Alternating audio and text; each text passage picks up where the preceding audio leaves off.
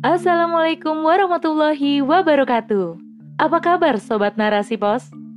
Kembali lagi bersama saya Giriani di podcast Narasi Pos. Narasipos.com Cerdas dalam literasi media, bijak menangkap peristiwa kunci. Rubrik Opini. Mie berformalin masih beredar akibat sistem gagal oleh Uki Naik. Praktik kecurangan di dunia pangan kembali muncul. Kali ini datang dari sebuah pabrik mie berformalin di Kabupaten Bandung yang digerebek polisi. Menurut Kapolresta Bandung, Kombes Pusworo Wibowo, pabrik mie berformalin itu sudah beroperasi selama empat tahun. Pabrik mie yang terkenal di Kampung Pangkalan, Desa Rahayu, Kecamatan Marga Asih, Kabupaten Bandung, berhasil diamankan polisi berikut 14 orang yang terlibat di dalamnya dan menyita sejumlah barang bukti berupa 5 karung mie yang memiliki berat masing-masing 250 kg, 5 karung formalin, peralatan masak, hingga bahan baku pembuatan. Akan datang suatu zaman ketika seseorang tidak akan peduli terhadap apa yang ia ambil, apakah itu halal atau haram. Hadis riwayat Bukhari. Meski media telah sering memberitakan kebahayaan formalin untuk kesehatan, bahkan beberapa di antara pelakunya digelandang aparat hukum. Nyatanya, para oknum produsen bergeming dengan dalih menghemat biaya produksi karena bahan baku mahal atau karena ingin meraup untung besar dengan modal kecil adalah teori kapitalis yang kerap dipakai untuk melegalkan kecurangan.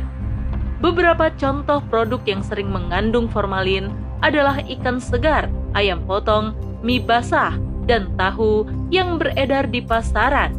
Dari sini, informasi saja dan penangkapan para produsen nakal belumlah cukup. Jika kesadaran individu dan sanksi tegas yang diberlakukan negara belum terrealisasi.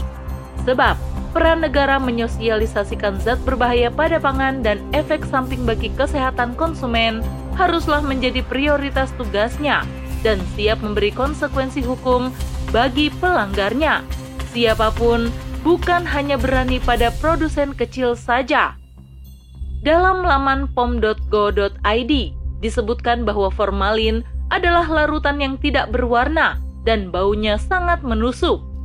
Formalin biasanya diperdagangkan di pasaran dengan nama berbeda-beda seperti formol, morbisid, metanol, formic aldehid, metil oxide, oxometen, formoform, formalit, dan lain-lain. Pada umumnya, formalin digunakan untuk pembunuh kuman, pembasmi serangga, bahan untuk sutra buatan, zat perwarna, cermin kaca, bahan peledak, pembalsaman mayat, dan bahan perekat untuk produk kayu lapis. Termasuk juga digunakan sebagai pengawet untuk pembersih rumah tangga, hanya saja konsentrasinya relatif kecil, yaitu kurang dari satu persen. Seperti cairan pencuci piring, pelembut dan perawat sepatu, sampo mobil, lilin, dan pembersih karpet. Ketika formalin disalahgunakan, bisa dibayangkan nasib generasi di masa mendatang. Makanan halal dan toyib yang mestinya dikonsumsi masyarakat demi tumbuh kembang yang sehat akan semakin sulit didapat jika negara tak segera bertindak. Karena pada dasarnya, praktik kecurangan dalam pangan tidak begitu saja terjadi. Jika negara mampu memenuhi kebutuhan pangan dan hak dasar individu masyarakat secara optimal, negaralah yang paling bertanggung jawab dalam kasus ini dan masa depan generasi bangsa. Kuat atau lemahnya berkaitan dengan nutrisinya. Selain itu, ketersediaan bahan baku yang murah serta pemasaran produksi selama ini dirasa kurang mendapat perhatian. Negara lebih serius mengambil kebijakan impor dan setengah hati menggalakkan swasembada pangan atau menjaga stabilitas perdagangan dalam negeri dengan mekanisme yang sehat. Jadilah produsen kecil atau rumahan mengatasi masalah produksinya dengan cara yang salah, asal karyawan tetap bisa bekerja dan asal dapur mengepul bahan berbahaya tak dihiraukan.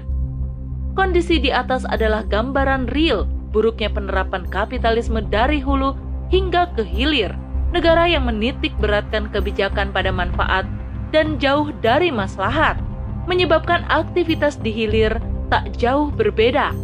Masyarakat dituntut mencari solusi sendiri agar bisa bertahan, dan oknum produsen mencari cara untuk mendapat keuntungan berlipat.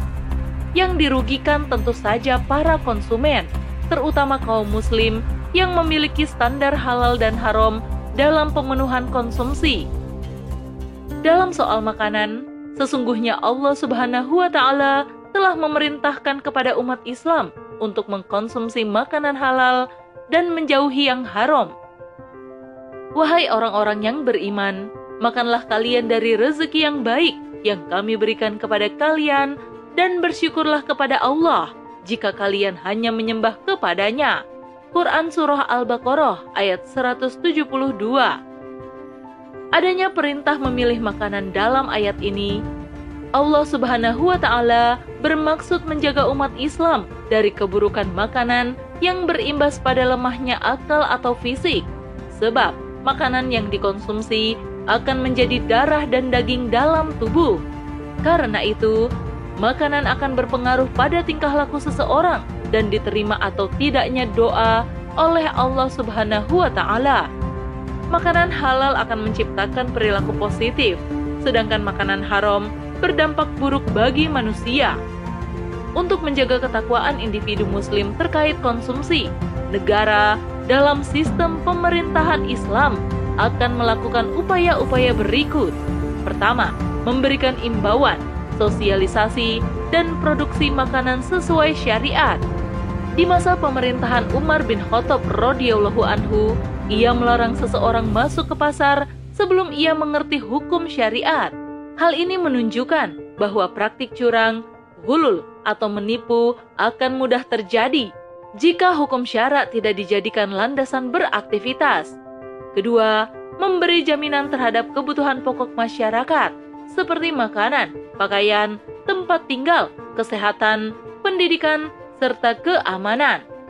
Dengan adanya jaminan ini, Tak ada alasan lagi bagi masyarakat untuk memperkaya diri pribadi atau mendapatkan laba perdagangannya dengan cara yang haram.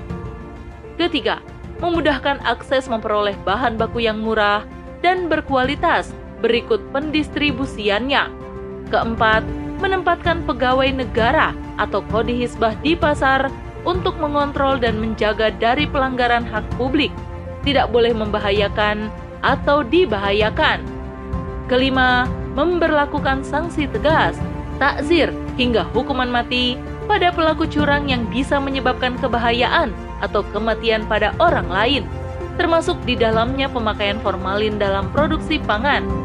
Kebahayaannya secara kesehatan begitu jelas, jika terhirup akan menyebabkan iritasi dan rasa terbakar pada hidung dan tenggorokan, sukar bernafas, sakit kepala, menyebabkan kanker paru-paru, dan pada konsentrasi sangat tinggi akan menyebabkan kematian. Wallahu a'lam bishawab. Wassalamualaikum warahmatullahi wabarakatuh.